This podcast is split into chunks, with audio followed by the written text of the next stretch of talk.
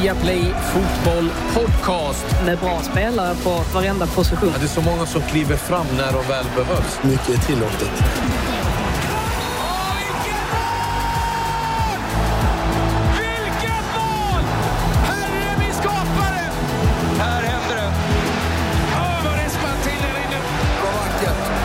Nej, bästa dagen på året.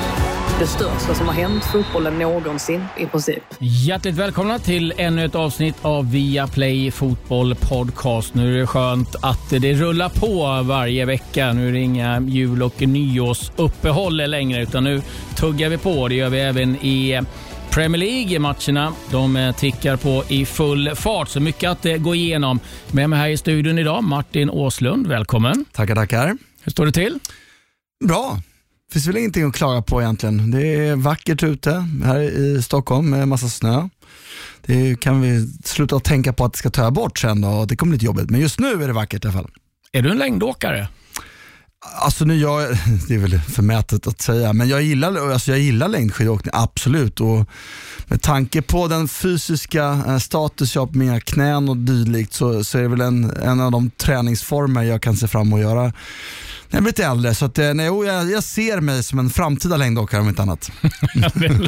Men framtiden för dig är, är, är skidspåret. Eh, Frida, jag vet inte om du skejtar omkring i lägenheten i, i London, men jag, jag, jag, jag, tvivlar på det. Hur, hur har du det där borta? Jo, nej, några, någon längdskidor blir det i alla fall inte. Det är inte så mycket snö i, i London just nu. Eh, men vi, eh, ja, vi är fortsatt inlåsta eh, så gott som eh, större delen av dagarna här. Så att, eh, ja, det, det är ju kul att det är fotboll i alla fall och eh, hålla sig sysselsatt med. Det håller jag med om. Ja, vad är senaste statusen eh, borta i England vad det gäller eh, dels lockdown och, och coronan? Ja, alltså ingen vet ju egentligen. Ehm, det, det sägs ju att det här ska hålla på till mars i alla fall. Sen är väl det är oklart. Det är saker och ting förändras ju i princip från dag till dag så att man får väl avvakta och se um, hur utvecklingen blir helt enkelt. Men ja, alltså man får gå till jobbet om man absolut inte kan arbeta hemifrån. Men eh, i, i övrigt så är allting stängt, eh, förutom då restauranger som man kan köpa takeaway från och eh, sådär. Så att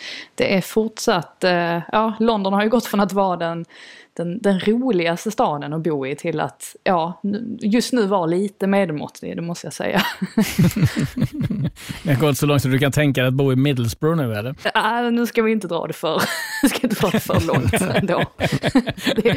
inte, så illa är det inte än. Nej, nej precis. Ja, vi har en hel del att eh, gå igenom eh, som sagt och eh, Manchester United idag, de toppar i Premier League nu för första gången sedan 2013. Är de där för att stanna? Vi har en intervju med Arsenals Pierre-Emerick Aubameyang som bland annat berättar om måltakan och hur han är som lagkapten. Sheffield United tog en efterlängtad seger mot Newcastle och fick hopp om att fixa kontraktet. Vi tittar lite på hur det ser ut i den här bottenstriden. Det börjar bli ganska tajt där nere och se om Sheffield United får lite hopp. De hade ett ganska tufft schema efter de här matcherna med United City och Liverpool, så får vi se. Men som sagt, det är mycket att gå igenom. Men vi börjar som vi alltid gör med senaste nytt med Frida. Ja, vi kan väl eh, börja med Grimsby då kanske, för att det blev den första engelska klubben som tvingas böta efter att ha brutit mot eh, coronarestriktionerna. Eh, och bland annat ska det ha varit för att tränaren Ian Holloway spelade dart med spelarna på ett olovligt sätt då, kan vi anta. Och spelarna ska även ha... Är han kvar? ja, det, det, det, verkar så i alla fall. Kanske inte efter det här. Men eh, spelarna ska även ha samåk till eh, träningsanläggningen och eh, det är inte heller tillåtet just nu. Så att de får böta 5000 pund plus täcka kostnaderna för tre inställda möten i höstas på 13 000 pund. Så det var ju ett ganska ovälkommet ehm, en ovälkommen summa för Grimsby att betala nu så här när man redan har problem i, i eh, ja, och en ansträngd ekonomi helt enkelt. Och Aston Villas möte med Everton som skulle ha spelats på söndag, det skjuts också fram nu, har precis meddelats. Eh, Aston Villa har ju spelat tre ligamatcher färre än konkurrenterna. Så nu ska man bara lyckas trycka in de här i schemat längre fram också. Det får vi se hur man, man löser den saken. Och West Brom kan hamna i amerikanska händer innan säsongen är över. Det är affärsmannen Mark Campbell som ska vara sugen på att köpa klubben. Men vi får se om han kan möta Grosjeans prislapp då på hela 200 miljoner pund. Eh, det är oklart om han är villig att betala så mycket, men vi får se helt enkelt. Och till sist eh, blir ingen Malmöflytt för Viktor Gyökeres enligt eh, The Athletics Andy Naylor som brukar ha koll på läget vad gäller Brighton. Det är både Brighton och Gyökeres själv som anser att Coventry är ett bättre alternativ för honom. Så att, ja, det var lite av varje i alla fall som har hunnit hända i veckan. Mm. Min förvåning där vad det gäller Holloway att det var ju att rörigt kring Grimsby, det var en en känd svindlare som försökte köpa sig in eller ta sig in på något sätt in i klubben. Eh, tror att han har suttit inne så att eh, alla vet om att det här är en riktig eh, skojare. Och då ska, eh, vet jag att Holloway gick ut på Twitter så att jag, jag slutar som manager för eh, Grimsby. Därav min förvåning Frida, att han, men eh, han kanske bara var spelade dart med dem, jag vet inte. eh, men ja, vi får kolla in lite vad som har hänt i, i Grimsby. Jag eh, ska säga det är en annan klubb som har det lite jobbigt med ekonomin just nu. Det är Derby County som eh, inte kunnat betala ut löner sedan mitten av december. Det är ju så att eh, Morris eh, som har ägt klubben ska ha sålt den till Sheikh Khaled bin Zayed, men det verkade strula en hel del. Nu kommer det fram uppgifter om att han eh, tidigare försökte köpa Newcastle och var då i kontakt med en eh, advokatfirma och som han inte har betalt. Så att det, det, där ser ganska lurigt ut för Derby, men inte bara i tabellen utan även då på den ekonomiska sidan. Vi får se vad som händer där. Ska, ska tillägga också att du, du har förmodligen rätt att Ian Holloway faktiskt avgick i december, men att anledningen till att de eh, får den här boten är på grund av att han spelade dart med spelarna innan han avgick, så att säga. Så har vi, så har vi rätt ut Vilken skön passning att ge till den här svindlaren som tog över. Han blev svindlad. Han, blev, han fick böta istället. Då fick han inte smaka på gammal ost. Eh, Phil Neville, klar för eh, Inter Miami. Tränare, det är Beckhams lag och eh, ganska höga krav på att han ska leda laget eh, titlar och så ska han eh, få ordning på gamla Gonzalo Iguain också inte, Gonzalo Higuain och Miami, känns det som en bra kombo Martin? ja, det känns inte som den matchvikten är nära vad den borde vara. Det kan man väl konstatera. Han hade svårt att hålla det i Turin. Liksom. alltså ja, första projektet blir anställd en dietist till eh, Gonzalo Higuain. På tal om Italien, Federico Marchetti, målvakten i Genoa, Ja, han ångrar nog att han eh, lämnade ut bilen, sin Ferrari, på tvätt för att eh, när den skulle levereras tillbaka, då kraschade eh, ja, den eh, som skulle köra tillbaka med fem andra bilar. Så en Ferrari värd 3 miljoner är körd för Marchetti. Eh, han twittrade dock om att han var glad att ingen kom till skada.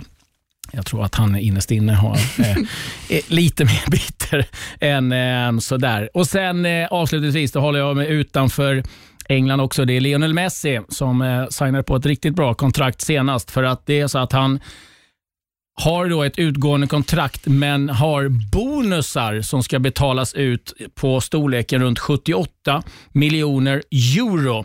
Och De ska då betalas ut i olika separata utbetalningar. Då har man varit i England snabb på att räkna ut hur mycket han ska få. Och Det här är om man lämnar alltså Barcelona efter den här säsongen. 170 000 pund i veckan i fyra år. Kanon för Barcelona som har det ganska jobbigt ekonomiskt. Det låter som att eh, i hans fall så blir det intressant att se vilket land som har ett dubbelbeskattningsavtal med Spanien som är gynnsamt. Kanske blir netto allt det där. Ja, nej, skämt åsido. Ja, det är väl eh, å andra sidan inte helt eh, oväntat att han satt och kunde göra vilka avtal han ville i princip. Så att, eh, man kan väl diskutera hur, hur lämpligt det var att göra det avtalet, men förmodligen var alternativkostnaden att inte förlänga med dem ännu högre. Så att, mm. Sånt är livet. Så, lite nyheter eh, runt om eh, fotbollsvärlden. Nu eh, tar vi tag i Premier League och vi backar bandet till matchen på Turf Moor. Burnley mot Manchester United. Rashford med en boll till Pogba. I mål! Där kommer det! Ett urtjusigt mål av Pogba som visar klass.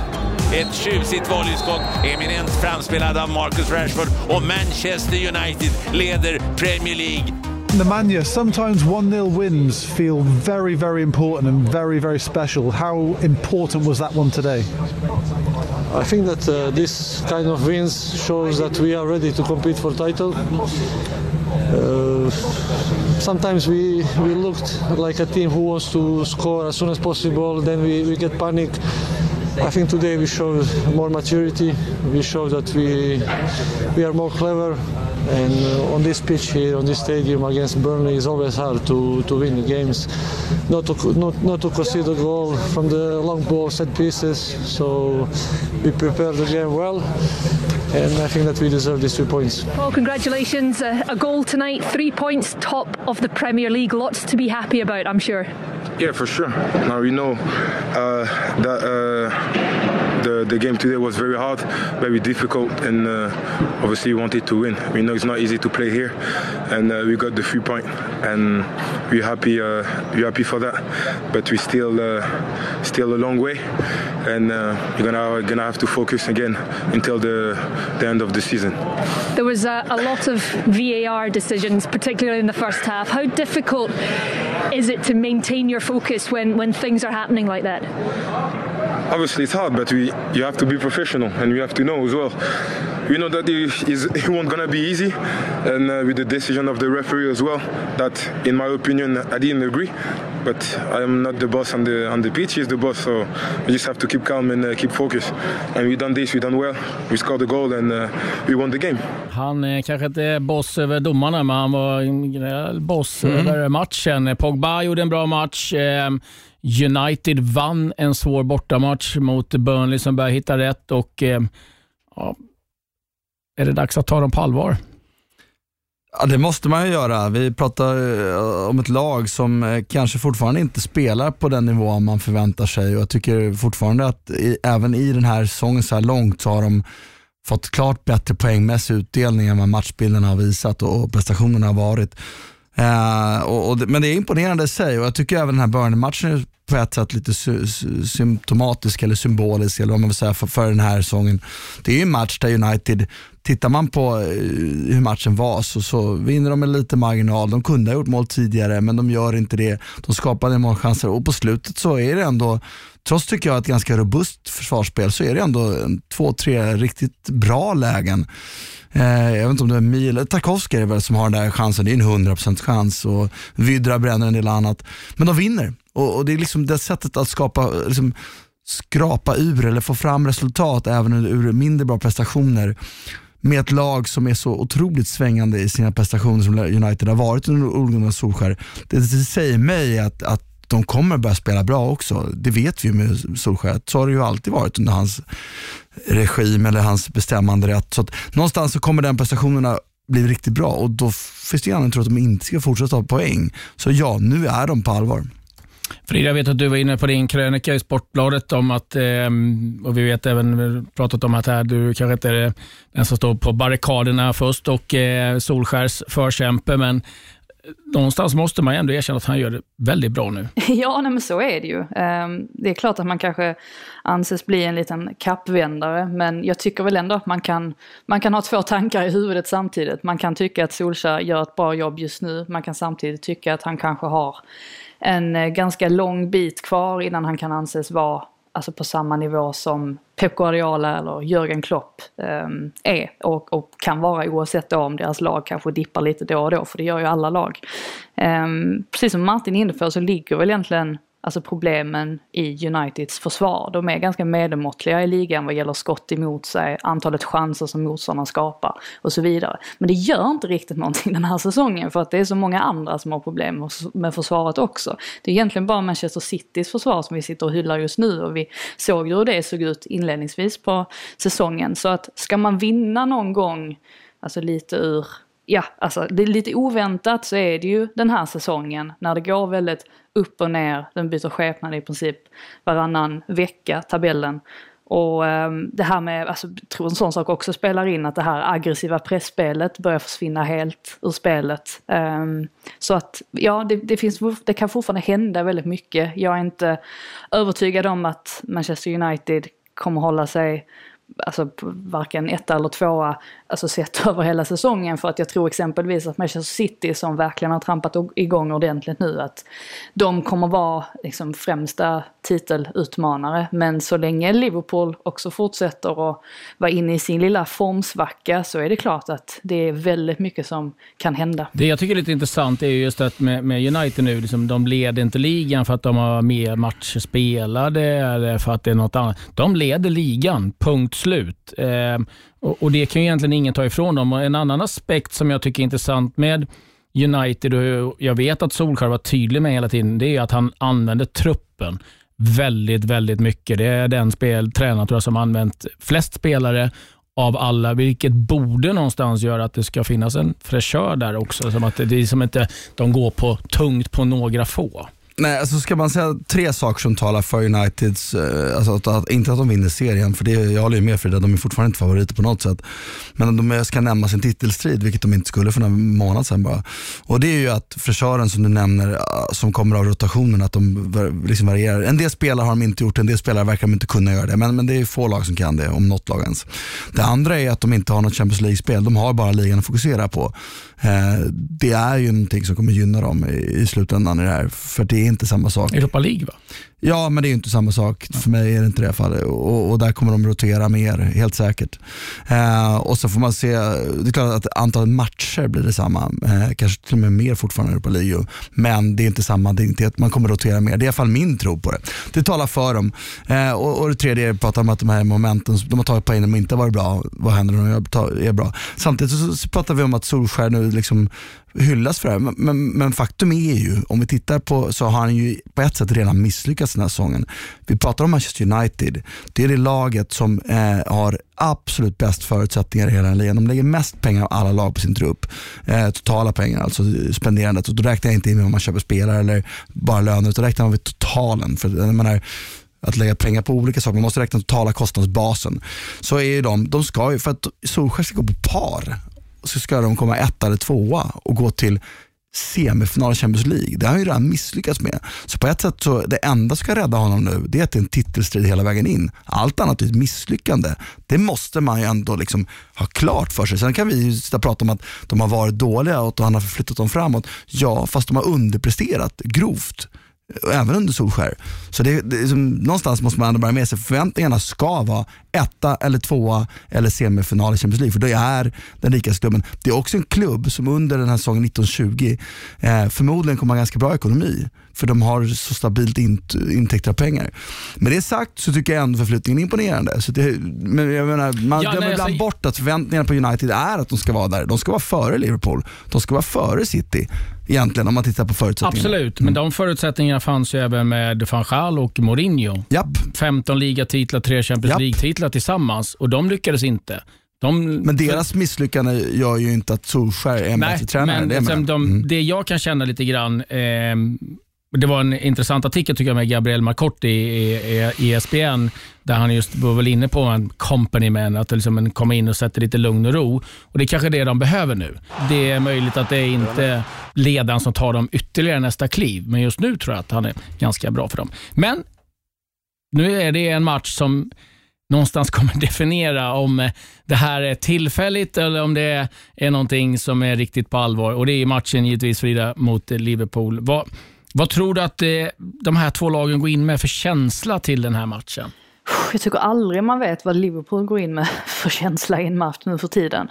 Ehm, jag tror väl i och för sig att det kanske kommer bli lite som i mötet mot eh, Tottenham, att Liverpool spelar sitt spel som vanligt, bryr sig främst om vad de själva gör och sen så kommer United då i det här fallet vara lite mer avvaktande. Det är i alla fall så jag förväntar mig att, eh, att det kommer att se ut. Och, alltså en intressant aspekt också med just det här kring om United har gjort en bra säsong eller inte, det är också att titta på hur många gånger de har hamnat i underläge i matcher. Alltså jag tänker ju inte minst då på Brighton-matchen, Newcastle, Everton, Southampton hamnar i underläge. West Ham också. Sheffield United. Um, och sen så vet man inte riktigt om det är en styrka eller en svaghet. Att de, det är klart att det är en styrka i att de kan ha tillräckligt mentalt fokus för att vända på en match. Men det är ju samtidigt en svaghet att de ens hamnar i underläge från första början.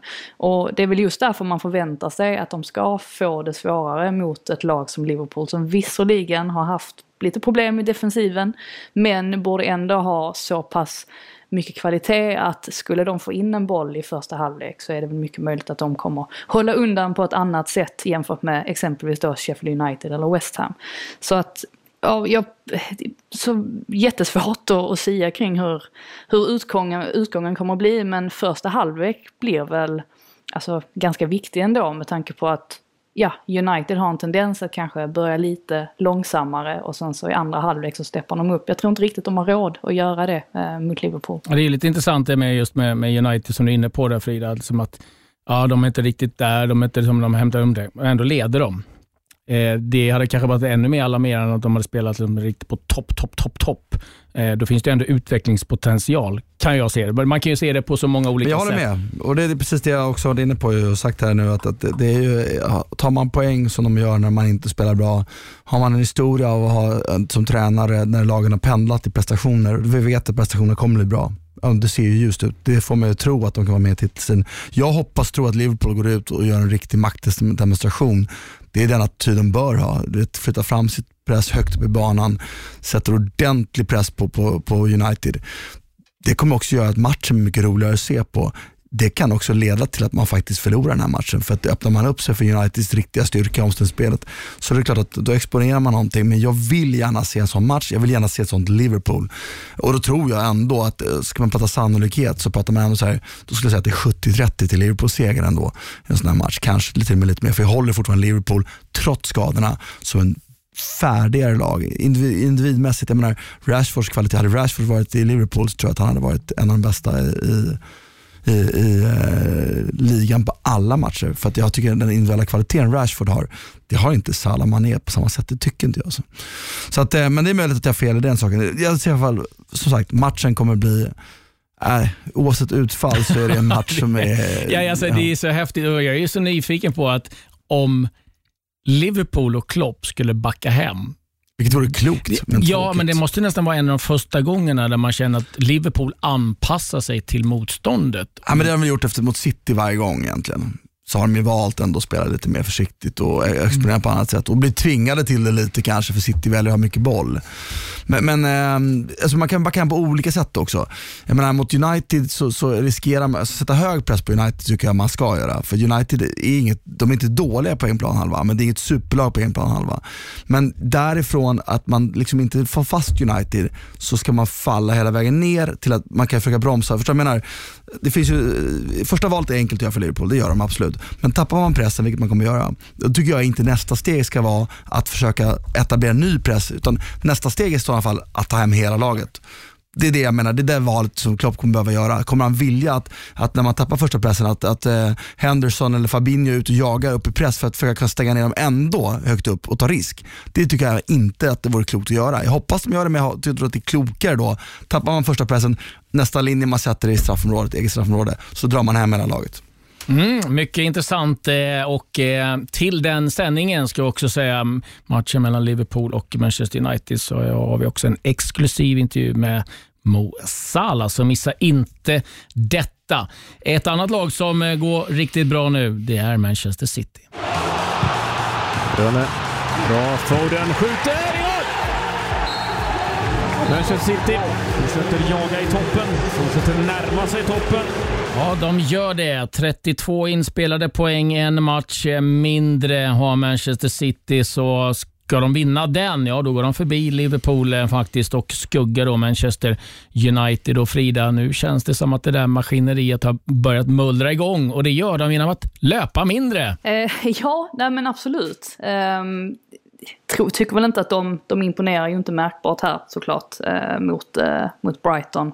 Eh, tvärtom så är jag väldigt imponerad av Brighton som saknar några nyckelspelare men ändå går ut och gör en väldigt stabil insats och tycker det, debutanten Percy Tau ser lovande ut. McAllister gör kanske sin bästa insats i Brighton-tröjan eh, och så vidare. Men sen så var ju Phil Foden på en helt annan nivå också och gör det där fantastiska målet som räcker till seger. Och återigen, vi har sagt det hundra gånger egentligen, men eh, Manchester Citys försvar är ju någonting helt annat nu. John Stones fortsätter att vara så bra som vi har sett honom vara nu under de senaste månaderna och ihop med Ruben Diaz så är det ju ett helt annat lag egentligen jämfört med vad vi såg inledningsvis på säsongen. Så att jag håller ju Manchester City jättehögt i den här titelstriden och tror definitivt att de kommer, eh, de kommer vara med där uppe ända fram till slutet. Mm, de gör det utan eh, Agüero, eh, sitter i corona, har en del skador och annat som, som stör. Eh, vad känner du med, med, med Manchester City? Alltså, ehm, jag hade inför säsongen eh, tre anledningar till att jag sa att de inte skulle vinna ligan. Eh, en, att försvarsspelet var för dåligt. Två, att jag tror inte att Agüero spelar eh, majoriteten av matcher. Tre, jag trodde att avsaknaden av Sané-typen skulle vara större än vad den har varit. Där har ju Foden då helt plötsligt varit en spelare som har fyllt den rollen. Och det var fel för han Torres har gjort det tidigare. Så den kan man stryka direkt tycker jag. Sané saknas inte. Nu spelar han ganska lite förra året i och för sig, men typen att ha. Liksom. Så det tycker jag faktiskt har varit mindre. Ruben Diaz har ju på ett sätt som jag ingen kunde föreställa sig jag har sett klipp på honom när han spelar i portugisiska ligan, men alltså från det till att prestera eh, som han har gjort och få laget att prestera. För ett Stones lyft sätter jag till Diaz mer än till Stones. Stones har fått en spelare att förlitas på. Det är också att Stones kvaliteter kommer mer till sin rätt istället för de fladdergökar han haft bredvid sig tidigare som är kanske bättre individuellt till en spelare som faktiskt, Ruben Diaz sätter ju när, när han, intressant för de som inte liksom, tror mig vad jag säger nu, titta på statistiken på honom, det är en spelare som läser spelet väldigt bra. Hans fokus är just på, att prata om Liverpool, att, att döda ytor först. Det innebär att han kommer inte synas i brytningsstatistik, han kommer inte synas i den typen av liksom, spektakulär statistik. Men det gör ju också att den som spelar bredvid honom får lättare att läsa av det. Och Stones är en spelare som gillar att läsa av saker, alltså har det gynnat honom. Så då har de ju helt plötsligt två av tre saker lösta. Och, och skulle Agüero härifrån och framåt eller någon göra mål, för det är det de saknar fortfarande tycker jag. De gör för lite enkla mål. De har för lite av den här riktiga goalgetten. Eh, och det kan ju någon, någon spelare komma in i ett stim. Det ska läggas till också att Sterling dessutom är, är, har återgått till en slags ineffektivitet lite, missar straffar och så vidare. Men, men skulle de lösa den biten, då, då tror jag att de kan vinna. Men jag tror fortfarande de behöver lösa den målskyttesbiten eh, för att de ska kunna vinna den här serien. Men med det sagt, så, så två av tre bitar löst under säsongen det tycker jag är fantastiskt under den press de ändå har varit. Och den start de fick med, när man då hela tiden från massmedias håll valde att se bort från att de hade mindre matcher spelade. Du vet, de låg 15 plats. Ja, man skulle vinna sin hängmatch om de egentligen sjua, men, men det spelar ingen roll. Vi pratar om de är 15 plats, den sämsta inledningen. Vet, den typen av stress och press har de hanterat väldigt bra och lyft sig. Så jag är väldigt imponerad över City så här långt. Nu den enskilda matchen håller jag med Frida, man kan ju återigen prata om att man är imponerad av Brighton utan att de vinner någonting. Eh, vilket är fast, fast jag menar, de bränner en straff, de har en mm. i ribban, de har De Bruyne väl tre avslut. Ja. Eh, Mars jag, jag, är bra. Jao Cancelo ja. har jätteläge. Jag tycker att de skapar fan chanser för ja, fem, sex mål. Okej, okay, men absolut. Så här, förlåt. City är ju bra. City är ju så här långt i ligan så tycker jag Liverpool, City, Chelsea i tre lag som sticker ut spelmässigt. Chelsea är för obalanserade och släpper hit så enkla mål. Liverpool har trots skador faktiskt varit uppe. De tre lagen tycker jag har varit bäst. Så City har ju varit bra hela tiden. De har bara inte satt en chans och det gör de ju inte den här matchen heller på ett sätt. Det är det jag menar. Tänk att ha goalgetten där. Hade Aguero varit mm. som han var för några år sedan, hade de vunnit den med 4-0. Men jag tycker även att Brighton ska nämnas som ett lag som är intressant och jag satt och tänkte på det, precis som lite Frida inne på, att det finns många spelare som definitivt har en väldigt positiv utveckling här under, under under Potter. Och det har vi sett tidigare också. Vad är nästa steg för dem? För de kan ju inte fortsätta att, att spela som de gör nu. Spela bra och förlora matcher, det är ju ingen långsiktig utveckling. Men vad skulle hända om de här individuella spelarna som han förfogar över fick bara vara lite, lite snäpp bättre? Att han inte behövde, liksom, nu tycker inte jag Mopé är dålig, men han bränner ju för mycket chanser. Jag tycker, inte, jag tycker Conley är jätteintressant spelare, men han, jag, tänk om han fick jobba med en kvalitet bättre spelare. Skulle han kunna göra Brighton till ett eh, Europa League-lag? Tänk om man fick de här individuella spelarna som Nuno Spirito Santo får i, i Wolves. Så att jag kan inte låta bli att bli imponerad av Brighton, även om jag håller med dig Claes. Det är klart att City var klart bättre och borde ha vunnit lättare. Men om vi, om vi, vi ska ju mot bottenstriden här och vi fortsätter prata Brighton. Det är liksom jättebra matcher, de skapar chanser, ger fortfarande bort en hel del onödiga mål. Eh, men det är just det där, det alltid ett men efter matchen. Och Det är det som är, liksom, det oroar mig vad det gäller Brighton, för nu är det liksom, de är precis ovanför strecket, där Fulham har två matcher mindre spelare och det skiljer två poäng. Tror du, Frida, som ändå följer Brighton ganska väl, tror du att Tony Bloom och de kommer gå in och hjälpa honom med att, för det är ju en, det är en, det är en striker de behöver. Nej men så är det ju, eh, absolut. Det är ingen hemlighet. Och eh, nu ser man väl här på, alltså bara det här att Percy Tau har kommit in kan ju förhoppningsvis hjälpa dem lite på traven i alla fall. Nu såg man att Trossard började längst fram. Eh, han är ju inte heller någon renodlad striker. Eh, gör väl en, ja, alltså en helt okej okay insats egentligen. Eh, bättre än vad vi har sett många av de tidigare eh, matcherna. Men ja, det är ju där i problemet ligger. att de kommer fram till sista tredjedelen och sen så konverterar de inte sina chanser till mål. Och tänk bara, ja men ta en sån som Mopé till exempel, som jag anser är liksom världens mest frustrerande anfallare. Alltså om, om han bara hade satt sina chanser, han behöver inte ens sätta, ja men det räcker att han hade satt 50% av chanserna och lägena han får. Alltså då hade ju Brighton, ja alltså då hade Brighton varit i en helt annan mm. situation. Det blir ju väldigt lätt att attackera Brighton varje gång de... Alltså jag tycker väl egentligen att den, den sämsta insatsen där de absolut bör kritiseras, det var matchen hemma mot Sheffield United. För att där slarvar man bort det helt på egen hand. Man är en man mindre i stort sett. Eh, hela matchen och ändå lyckas man inte vinna. Där kan jag tycka att där gjorde de ingen bra ingen bra insats eh, överhuvudtaget och Potter skulle ha kommit med och gjort ändringar tidigare. Men i övrigt så har jag fortfarande svårt att, att kritisera honom för jag tycker väl som sagt att det, det handlar mycket om flyt flyten då. Och jag vet att Potter själv också ofta pratar om flyt i sina presskonferenser. Men jag tycker inte att han har helt, helt fel i det heller. Jag tror att Tony Bloom och resten av ledningen, de visade väldigt tidigt att de litar på honom och att de vill, vill satsa på honom så, så länge det går, så att säga. Eh, det här är ett långsiktigt eh, projekt. Så att ehm, det är klart de ligger riset på det. Det gjorde de förra säsongen också och det slutade väl i alla fall. Så att de sitter väl helt enkelt och hoppas på att vinden ska vända lite grann. Jag, jag ska säga så här, jag, jag, tycker att eh, de gör det fantastiskt och eh, jag håller med om att eh, han gör ett strålande arbete. Det är bara att det, det börjar bli lite väl många vi spelar bra men vi förlorar. Och Jag vet att Tony Bloom och hela ledningen sitter liksom jättetrygga med, med honom och inga planer överhuvudtaget vad jag hör om att de ska liksom ersätta Potter någonting. Det jag däremot tänker, och Martin nu, nu använder dig som ett gammalt spelarperspektiv här, med det man ser av Brighton, hur de spelar, eh, med sättet han utvecklar spelare, borde ju rimligtvis också med location, en ganska trevlig stad nära London, göra att spelare i toppklubbar som kanske inte riktigt får plats känner att ja, men här är ett bra klubb att bli utlånad till. Att de kan hitta in spelare på det sättet. Jag är helt övertygad om att det är, det är en faktor och den faktorn behöver kanske bli, han behöver liksom jag menar, göra det här något år till. Alltså, helst kan han ha en ännu större förflyttning.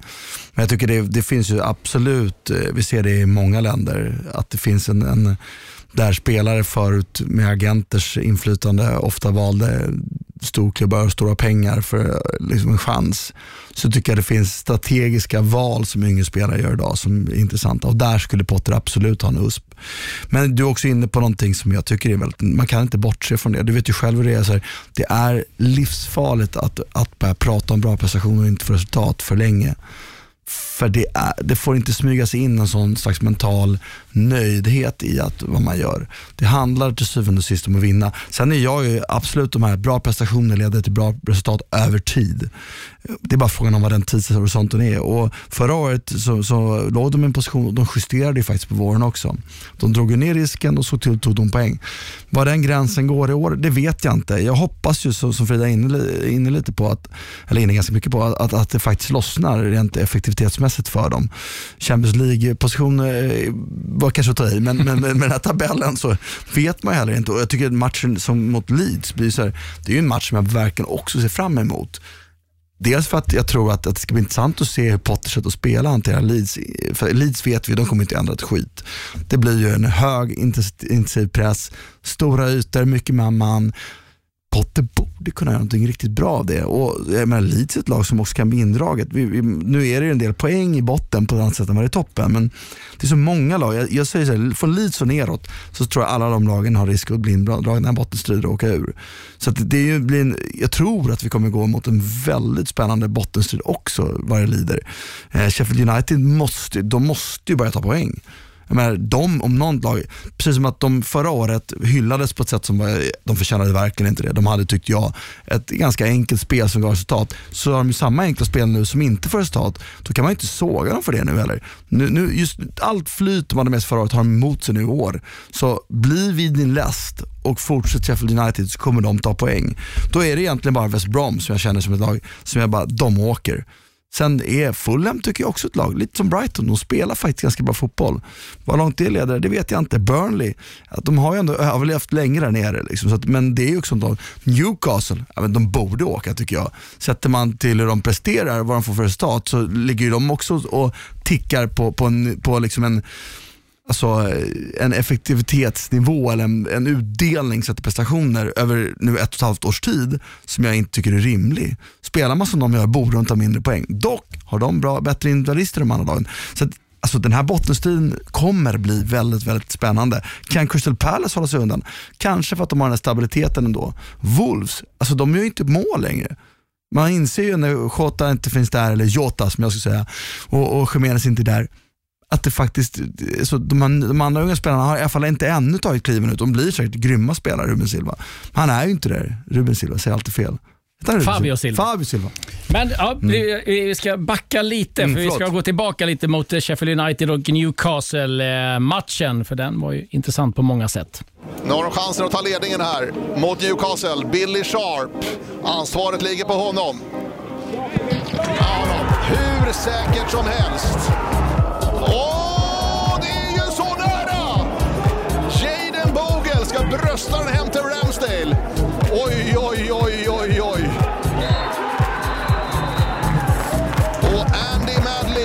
Av på Bramall Lane och Sheffield United tar sin första seger för säsongen. 1-0. Well, you can't feel sorry for yourself, and you know, I, I know somebody just told me down there, you know, uh, a little bit of luck, but you know, there's a couple of times where we've had shots and there's a, there's a tapping on and it's gone in between players as well, and so you know, I don't think it was a lucky performance tonight, Ian. I thought it was a, a really good one, uh, a, a, solid one in and out of possession, as I said, and. Uh, um, you know, we, we use Saturday, and it might it, it, it might not look a spectacular result at Bristol Rovers, but you know it, it helped. It helped the players, and um, and certainly they used that on Saturday to take into tonight. And now, obviously, the key is to take it take it forward. Look, I knew December. I knew December was going to be a tough month, and certain and January, with the with the run of fixtures we've had. And look, when teams like Arsenal and Chelsea and anybody else in the division you know, it's the Premier League. It is what it is. So yes, I'm bitterly disappointed that we haven't played well enough, especially in the first half today. And but I'll leave that to other people. You're asking the wrong one. I'll never ever walk away from a challenge, and I think I've been in it long enough, long enough to um, uh, to to have that respect. But I understand that, especially watching the first half, we weren't good enough. And at the end of the day, I take the responsibility for that because I picked the team. And in hindsight, yes, it's a wonderful thing. Um, but then again, um, we've been trying something different because over the last few weeks, um, we've we've struggled going forward. So that was my thoughts tonight was to give Ryan, who's was was fresh, and I wanted to see Sean higher up the pitch in a position where he could be a goal threat. And um, unfortunately, it didn't happen. Mm, Chris Wilder först och sen Steve Bruce och eh, shambolic, pathetic, simple an insult to club, club crest. Ja, det var rubrikerna på Newcastle Chronicle och Frida, det blåser rejält snålt nu kring eh, Steve Bruce. Ja, nej, men det gör ju det. Um, och anledningen till det är väl främst att, alltså man jämför med hösten då, så är ju skillnaden mellan då och nu att resultaten numera speglar insatserna egentligen. Um, alltså jag tycker bara man går tillbaks till till Bruce startelva i den här matchen. Alltså han ställer upp med en fembackslinje och tre mittfältare mot ett lag som ligger klart sist i tabellen. Jag tycker redan där bjuder man ju in United att få med sig ett bra resultat. Sen är det väl klart att utvisningen på Ryan Fraser påverkar ju mycket av matchen men det där är stora problem och anledningen till att Mike Ashley ens anställde Steve Bruce från början, det vet vi ju allihopa, det var ju för att han ville att Newcastle skulle hålla sig kvar i Premier League samtidigt som han hittade en köpare till klubben. Eh, övertagandet här senast rann ju ut i sanden förra året. Eh, och frågan är nu, eh, det kan ju faktiskt vara att det här med att Mike Ashley försökte riskminimera eh, kan istället sluta med att han har skjutit sig själv i foten för att nu kan man ju se att Newcastle kommer hålla sig längre ner i tabellen och precis som vi har varit inne på, Fulham tycker jag är en av alltså, de största överraskningarna egentligen under säsongen med tanke på hur det såg ut, särskilt den första månaderna, månaden eh, i deras spel. Alltså Scott Parker har fått ordning på väldigt mycket där eh, och sen vet vi att Sean Dyche Burnley aldrig ska räknas bort. Så att det är eh, det är verkligen en prekär situation Newcastle sitter i. Och jag förstår dem som tycker att eh, Steve Bruce borde försvinna. Men eh, Mike Ashley är ju fortsatt tyst och jag tror väl inte att han kommer agera om det inte är, ja, om det inte verkligen är kniven mot strupen. Jag tror att Al Shearer i sin eh, krönika i The Athletic eh, skrev att Steve Bruce ska absolut ha kritik,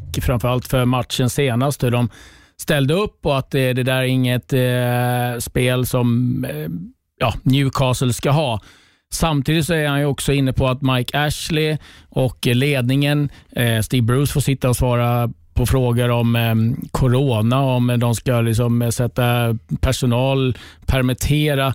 Det är, det är mycket som hamnar på Steve Bruce axlar som inte han ska ha, göra överhuvudtaget. Det, det kan man väl förstå att det är kanske är lite mer jobb än han behöver just nu. Absolut. Alltså, på ett sätt tycker jag är synd om Steve Bruce mer än någonting annat. Eh, det är inte hans fel att det ser ut som det gör. Ytterst är det ju han som tar ut laget och väljer taktiken och det man kan beskylla honom för det. Och det finns saker där som skulle klart kunna vara bättre. Samtidigt som resultatmässigt har han gjort okej okay, liksom, under sin tid där. Och jag håller med om att avsaknaden av någon som går ut och ger stöd. Nu verkar Bruce, Steve Bruce inte ha något problem med att svara på saker. Han verkar ju tycka om den rollen. Så det, jag, jag, tror inte att han på det sättet beklagar sig. Men för ett perspektiv utifrån kan jag tycka precis det du är inne på, att belastningen på eller han får fronta allt med Newcastle och det tycker jag är lite konstigt. Eh, och det är väl bara ett tecken på det som Frida också nämner. Det är, det är inte liksom, det finns inget, inget eh, uttalat mål om något annat än att det här ska liksom, eh, avvecklas, eller avyttras heter det avvecklas ska det inte göra. Det ska avyttras till eh, bästa möjliga förtjänst och det är det som än så länge inte har fallit väl ut. Och jag kan ju inte annat än hoppas just därför att de åker ur, för att jag tycker att det är, det är sånt som sånt som är vi vill, alltså den dåliga sidan av den typen av ägarskap som man kan få i klubbar med dess ägarstruktur som vi tillåter i Premier League. Ja, ja, det bästa är väl om Mike Ashley försvinner därifrån. För lite som Alan Shearer är inne på, med Mike Ashley som ägare så ja, ni kan sparka Steve Bruce, men det kommer komma en liknande tränare och det kommer vara samma eh, procedur om igen, bara med ett annat namn. Så att förhoppningsvis så kan Mike Ashley eh, ja, bli av med eh, Newcastle och en ny start på, på många sätt för, för den här klubben. Indragna i bottenstriden, Sheffield United. 18 matcher tog det, sen eh, vann man eh, och eh, tänker man nu ska vi rida på det. Jag tror att de har Liverpool United City härnäst, eh, eh så det är inte så helt enkelt eh, för Sheffield United. Men Frida, tror du att de kan göra en great escape? Kan han göra det omöjliga? Ja, alltså det vore ju, alltså då vet jag inte vad man gör egentligen. Alltså då, det, det, det, det vore ju helt, helt sensationellt. Um, sen är det klart, man har suttit och väntat lite på det här, alltså vändningen när första segern kommer. Precis som uh, Wilder var inne på där mot uh, Bristol Rovers. Det såg kanske inte vackert ut, men det var nog otroligt viktigt att få första segern. Sen juli månad, jag tycker bara säga det är ju helt sjukt mm. egentligen att det har gått så lång tid. För vi vet ju om, alltså vi såg ju det förra säsongen, att det här är ju spelare som, ja alltså de är inte absolut inte bäst i ligan på något sätt. Men det är ju ändå spelare som ska kunna prestera på en betydligt bättre nivå än vad de har gjort under hösten. Sen hade de ingen riktig målskytt förra säsongen, det har de inte nu heller. Eh, alltså, köpet av Rian Brewster har ju inte riktigt fallit väl ut än så länge.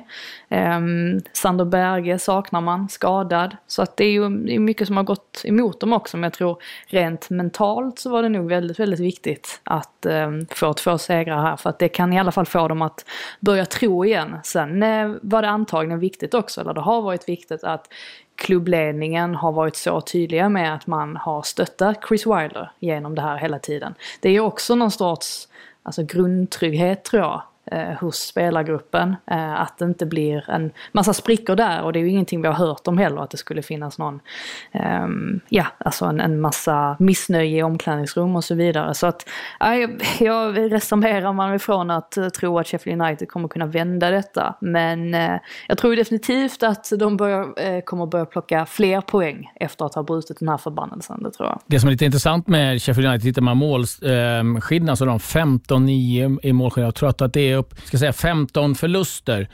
Det som är intressant där, jag tror att det är upp mot eh, 12 som är uddamålsförluster, så de har ju liksom någonstans varit med hela tiden. Ett annat lag, du var inne på det Martin, lite grann, som jag också fastnar lite för, det är Wolverhampton som eh, dalar och de dalar eh, och eh, från våran Jiménez lyser verkligen hårt för dem och det är långt kvar innan han är tillbaka. Man undrar, finns det någon portugis som äh, agenten kan eh, damma av här? För att det, det börjar bli dags nu.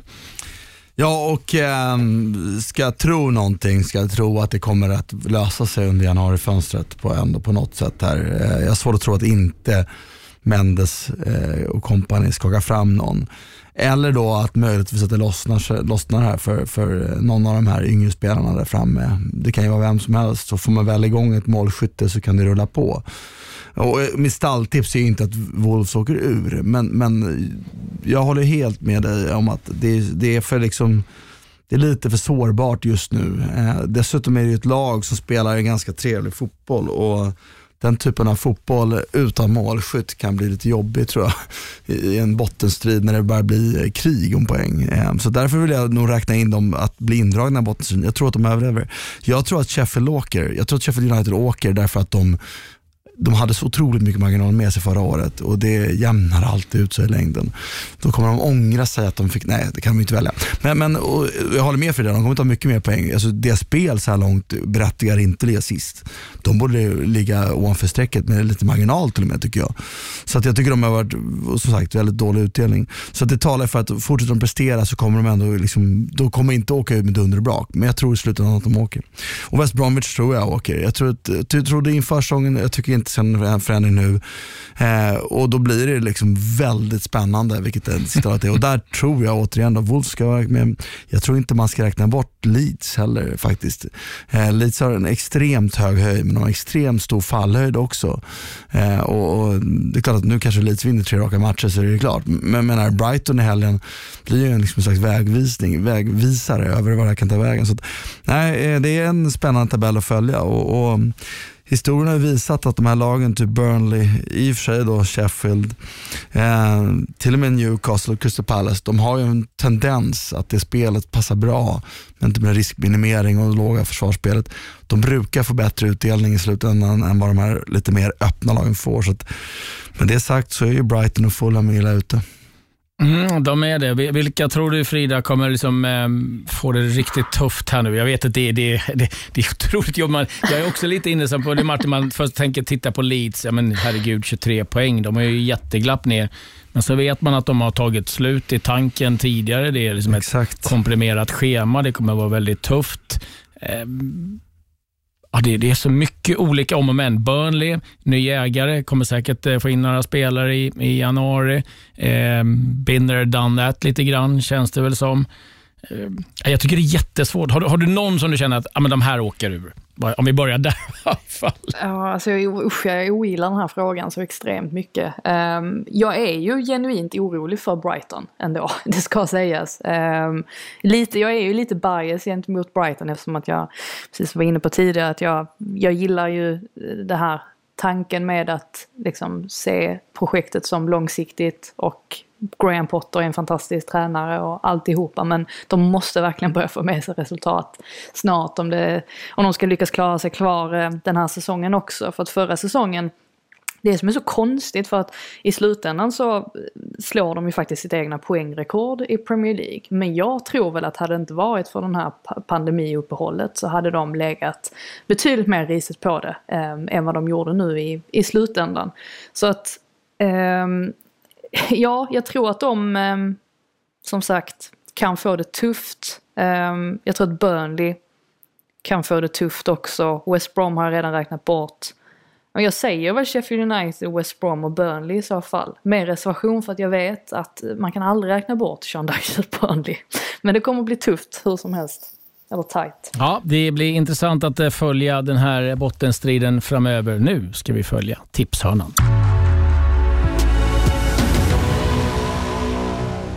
Den här matchen är något att eh, se fram emot. Eh, en eh, annan match att se fram emot det är den som går ikväll. Arsenal mot Crystal Palace. Och vi ska nu lyssna på lagkaptenen Pierre-Emerick Aubameyang.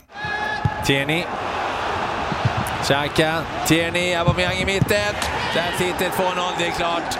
Arsenal är klara för den fjärde rundan utav FA-cupen. De regerande mästarna krånglar sig vidare via förlängning. Was nice. Uh, I mean, it was a was a good game. Um, we played. I think we played the game well, and uh, I'm really happy that uh, that uh, we're back on the on the winning days, and uh, of course, uh, winning the, the the FA Cup first game. It's it's important for us, and yeah, we are we are happy and scoring the goal. Of course, I'm I'm more than happy.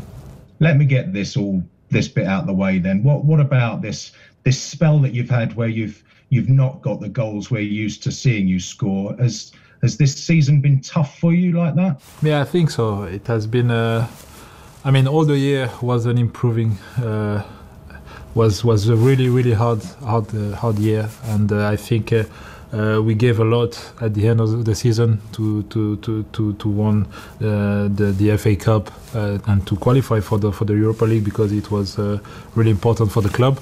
And so I mean, from the, from the beginning of the season, I was struggling. not a little bit, maybe a lot, but I think this is part of football. Sometimes you have ups and downs, and um, yeah, you have to to manage it as as uh, as as you can, and uh, I tried I tried my best, and uh, yeah, till now it was not um, the, the, the the best performance from me from my from my side, but now I think.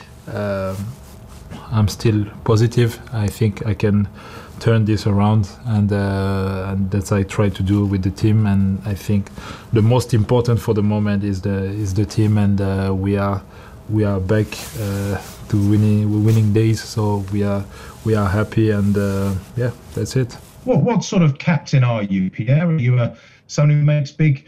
Uh, exciting speeches? Are you someone who takes players aside and has little words with them? What does the job involve for you? Yeah, I like to, to speak with players uh, more when we are in the dressing room or something like that.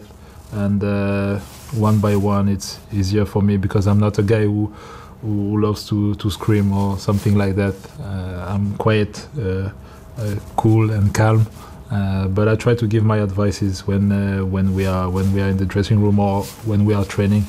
But then I'm uh, yeah I'm a quiet guy. Saka. Saka mål! Vilken träff han får! Seglar in i bortre krysset och det är tre mål. Vilket läge för Arteta och Arsenal när Saka bjuder på ett drömmål. But I think everyone uh, is giving uh, is giving more than hundred percent to be to be back on form. And as I said, it was uh, a tough year, um, but uh, I think sometimes you, you you need a bit of of luck. I think we played so many games well, but uh, suddenly we had, for example, a red card, and then it changed all the games. So it, has been a, a, lot of things like that that change our our game. Um, so yeah, I think now um, we find a, find a way to, to score at the right moment and uh, and to, to to take the positive uh, from the team and, and, and go up. And I think this is the the difference uh, between now and the the, the, the, the last few months.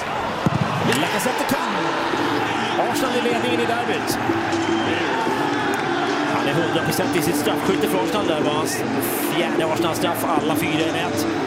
Lacazette. yeah, it's, I think um, yeah, it's like it's like my brother now. he's a he's a really good guy. Always always positive and always loves the game. And um, as I said, he, he, he, gave me the, the opportunity to, to settle in very well. And uh, he's a guy that loves football, and uh, this is what I like about him. And uh, yeah, he's a he's a really really cool guy. Um, yeah, what can I say more? We just need to to to find to to score. I have to assist him more maybe a little bit in in this year, and hopefully I'm gonna give some some good assists for him and uh, him as well, hopefully. But yeah, the the relationship is really nice. And uh, as I as I said to to, to Laka, we we don't see each other uh, like um, rivals because it's not the case. We are we are playing together, and uh, we understood this since the first since the first day, and this is why uh, it was a, it was a good relationship on, on the pitch also.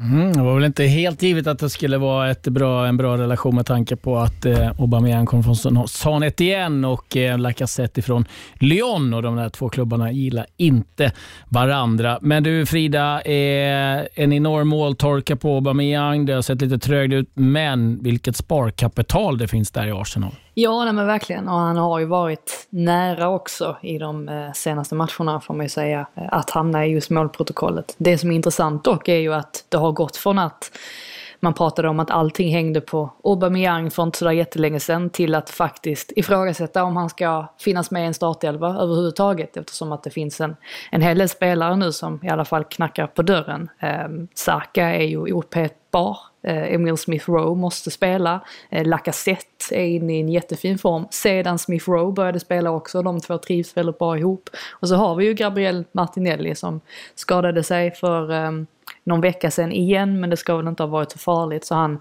är snart tillbaka igen. Jag tycker väl att Aubameyang ska finnas i en startelva. Han har en sån pass hög högsta nivå att det känns märkligt att peta honom. Men det är i alla fall en intressant vändning ändå att det har kommit till detta att man sitter och frågar sig om han ska finnas med där eh, från då att ha varit eh, ja, så otroligt vital för Arsenals offensiva, offensiva spel. Från domedagsmörker eh, till helt plötsligt så ser det ganska bra ut för Arsenal. Vad, vad, vad ser du är den stora skillnaden Martin på Arsenal nu? Alltså, det är fortfarande ett sånt läge att, att det kan gå både norr och syd det här. Det är ju som tabell dessutom. Eh, främsta anledningen är ju att några små förändringar på laguttagningen eh, har fått effekt. Och Jag tror att de var i ett sånt, sånt läge att vad de än gjorde så blev det fel på något sätt. De var inne i en otroligt negativ spiral. Eh, och Det är klart att man kan titta och prata om Smith Rose betydelse i mellanytorna, rörelse. Jag tror bara att alltså, det har mindre att göra med de individuella förändringarna. De har påverkat självfallet, men, men det stora är att de, de, som det blir ibland när man kommer in i så trender, de behövde bryta den. Eh, och Sen behöver de fortsatt ha bättre utfall av sina individuellt skickliga spelare. Det är fortfarande en underprestation sammantaget på individuella spelarna i Arsenals trupp. Det går det inte att komma ifrån. Eh, och Jag tycker fortfarande det är för tidigt, eller jag tycker fortfarande det är för tidigt att ropa hej på något sätt. Utan jag tycker att det finns embryon, det fanns tydligare embryon på stabilitet inför säsongen, Det finns tydligare embryon igen på lite bättre spel i alla fall. Det måste nu fortsätta prestera på den här nivån och, och Palace som motstånd är ett typexempel på ett lag man ska slå. Det är inget lätt lag att bryta ner. Så att eh, det, ser, det, det, finns ju otrolig potential, men eh, och de är inte ute ur den tunneln ännu. De får fortsätta kämpa lite och största anledningen tror jag små, små förändringar men framförallt de fick ett kollektivt trendbrott och de måste få det utrymmet. Och med det utrymmet nu måste de göra någonting mer. För spelmässigt är det fortfarande inte bra nog, det tycker jag inte. Mm, intressant. Den matchen eh, ser ni alltså i afton 21.00. Arsenal mot Crystal Palace. Yngsta mot äldsta managern, bara en mm -hmm, sån sak. Mm -hmm. mot Roy Hodgson. Eh, vi har givetvis ett Liverpool-Manchester United. Det är eh, också Leeds Brighton som man är ganska nyfiken Verkligen. på. Eh, sen ska vi säga det avslutningsvis också att det har tillkallats ett extra möte i, eller av Premier League med tränarna och lagkaptenerna i Premier League. och Det här gäller de nya covid-protokollen eh, som eh, man då trycker på ganska hårt måste följas med noggrant. Bland annat då inte ska få krama efter målen eh, symbolgrej. Men det man kan säga, tycka vad man vill om eh, alla de där sakerna, är att regeringshåll eh, börjar nu tröttna på alla de här dessa, ja, ska man säga, eh, covid som bryter den ena grejen efter den andra. Det firas och det är, ja, det är väldigt många misstag. Vi har Esse som till exempel går och sätter och kollar på QPR-matchen utan mask. Det är inte läge, tror jag, eh, att eh, vara eh, lite för arrogant mot den där regeln för då tror jag att det finns en risk att regeringen går in och stänger ner. Ja, då är det läge från Premier League-håll, från ligahåll helt enkelt att sanktionera hårdare mot de här typen av spelare som bryter ja. mot det. Inte mot att fira på planen, det, men däremot, precis, jag ser ju typexempel på ett symbolvärde som är katastrofalt. Grealish har ju gjort ett antal sådana, men då får man faktiskt kollektivt slå ner hårdare från fotbollshåll. För de som betalar för det är Premier League-klubbarna om det, går, om det här blir ett utfall. Så att, var hårdare mot dem då. Inte för att det spelar så stor roll kanske i smittspridningsskäl, men symbolhandlingen, symbolvärdet. Det är du Morgan Johansson, Dagen, jag vet inte, Dan Eliasson och Stefan Löfven och en del andra politiker. Det kan du lyssna på. Ja, nej, alltså jag förstår att, eh, att, eh, inte firar som eh, man står och kramar varandra på hörnor, motståndare, men man kanske inte som mittback behöver springa 70 meter för att göra en gruppkram i läget som är. Men det kommer de nog få höra så att de vet om det ganska rejält. Ja, vi håller distans i varje fall här och eh, önskar er en eh, riktigt eh, trevlig dag och trevlig vecka så vi är tillbaka igen på torsdag. Adjö. Adjö.